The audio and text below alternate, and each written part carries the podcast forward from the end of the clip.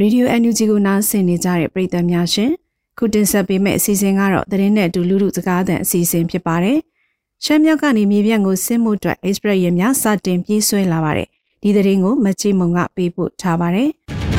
။မန္တလေးမူဆယ်ပြည်တော်စုလမ်းမကြီးကိုအရေးပေါ်ပိတ်လိုက်ပြီးဆယ်ရက်မြောက်နေ့ဖြစ်တဲ့ဒီကနေ့နိုဝင်ဘာလ6ရက်နေ့မှာဒုထဝရီမန်ဝေးပြည်ရင်လိုင်းကနေတီဘောမန္တလေးခီးစဉ်ကိုပြေးဆွဲသွားမှာဖြစ်ပါတယ်။ ခုခီးစဉ်ကမူလလန်းတိုင်းပြန်လည်ပြေးဆွဲတာမဟုတ်ပဲရှမ်းပြည်တောင်ပိုင်းကကြောက်ကူအင်ဒိုရက်ဆောက်လန်းကိုဖြတ်ကပင်တရကနေရွာငန့်ကြောက်ဆန်ဟမ်းမြင့်မို့အော်လန်ကတဆင့်မန္တလေးကိုရောက်ရှိမှာဖြစ်ပါတယ်။ခုလိုပြန်လည်ပြေးဆွဲတာနဲ့ပတ်သက်ပြီးလန်ကီအခြေအနေကိုရင်လိုင်းတာဝန်ရှိသူတို့ကအခုလိုပဲပြောပါတယ်။ အဲ့ဒါတော့လေတော့ဒီကိုပစ္စည်းတွေရောကြီးတယ်ဒီသတင်းကျိုးမှာ ပြန်လာတဲ့ကြီးတယ်ပြောလေ လာကြလူရမတင်ဖြစ်တဲ့လူရအဲ့အတွက်ကြောင်းပြီးပြီးရပါသေးတယ်စိုးရိမ်မှုကတော့ ကျနော်တို့ ဒီလမ်းကြောင်းအခြေအနေအရဆိုရင်တော့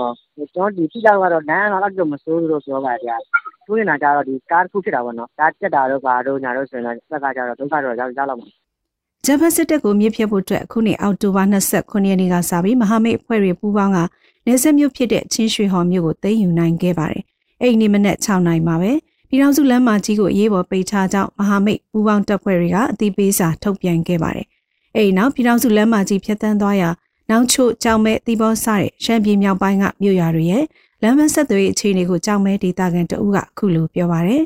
အဲ့ဒါကတိတ်အရေးကြီးတာပေါ့အဲ့တော့ဒီကြောင်မဲနဲ့နောက်ချိုကြားထဲမှာဂုတ်ကင်းဆိုတာရှိတယ်လေ ကုတ်တိတရားနဲ့ကုတ်တွင်းဆိုတာရှိတယ်ကုတ်တိတရားတော့ရခဏပေါ့ကုတ်တွင်းဆိုတာတော့ကားလမ်းပေါ့အဲ့ဒီမှာချက်ကလုံငင်းယူထားတယ်အဲ့တော့အဲ့ဒီကုတ်တွင်းကိုဆင်းတဲ့အကြောင်းမင်းနေနဲ့ဆင်းတဲ့နေရာမှာသူကနမ်းပိတ်ထားတယ်ဟိုကားလမ်းကိုညောင်းတူကြီးပြလိုက်တယ်ညောင်းတူကြီးနိုင်တော့တုံးနေရတာကိုသူကကျွန်းတယ်ခုံနမ်းပေါ်လဲချထားတယ်လို့သိရတယ်ပေါ့နော်အဲ့ဒါတော့ဒီခုနပြောတဲ့မဟာမိတ်အဖွဲ့တွေပေါ့နော်အဲ့တော့အဲ့လိုဖြစ်သွားတဲ့အတွက်စိုက်ကဲတော့သွားလို့မရဘူးသင်တော့မသွားလို့မရဘူးနော်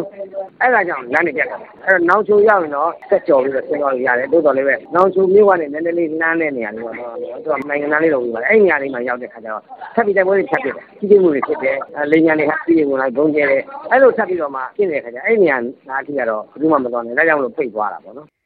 ဒီဘောမန်လီခီကပုံမှန်စုမိုင်းတရာကျော်ပဲရှိပေမဲ့တောင်ပိုင်းကနေပတ်သွားရတဲ့ခီးကတော့မိုင်300ကျော်ပိုဝေးလာပါတယ်။မူလကဖြတ်တန်းသွားလာရတဲ့ပြည်တော်စုလမ်းမကြီးလိုမဟုတ်ပဲကြည်ရွာချင်းဆက်လမ်းများကနေချိတ်ဆက်သွားလာရတာဖြစ်လို့ခီးပိုဝေးသွားသလိုလမ်းရည်သွေးမကောင်းတဲ့အတွက်ခီးကြချိန်လဲပိုတိုးလာပါတယ်။ဒါအပြင်ကားလက်မကတွေလည်းအရှင်ကထက်လေးစားမကတက်လာပြီး 2+1 ထိုင်ကုန်မှာ Express ကားကတအူကိုချက်9000သတ်မှတ်ထားပါတယ်။ ခီးစဉ်ပြောင်းလဲပြေးဆွဲတာဖြစ်လို့လမ်းခီးအစဉ်ပြေပါကပုံမှန်ပြေးဆွဲသွားဖို့ရှိပြီးအစဉ်မပြေရင်တော့ဒီဘောကနေမန္တလေးစင်းနဲ့အခုတစ်ခေါက်ပြေးဆွဲပြီးရင်ခီးစဉ်ကိုရက်ဆိုင်သွားမယ်လို့ဆိုမရင်လိုက်တာဝန်ရှိသူကပြောပါတယ်။လက်တလုံးရှမ်းပြည်မြောက်ပိုင်းကနေမြေပြန့်ကိုဆင်းရမှာ Express ရင်တွေမပြေးဆွဲခင်ကအဲ့ဒီလမ်းကနေရင်ငယ်တွေစတင်ပြေးဆွဲခဲ့တာလည်းဖြစ်ပါတယ်ရှင်။ခုတင်ပြပေးခဲ့တဲ့မြေပြင်သတင်းအကြောင်းအရာတွေကို Radio Energy သတင်းတောက်မကြေးမုံကပေးပို့ထားတာဖြစ်ပါတယ်ရှင်။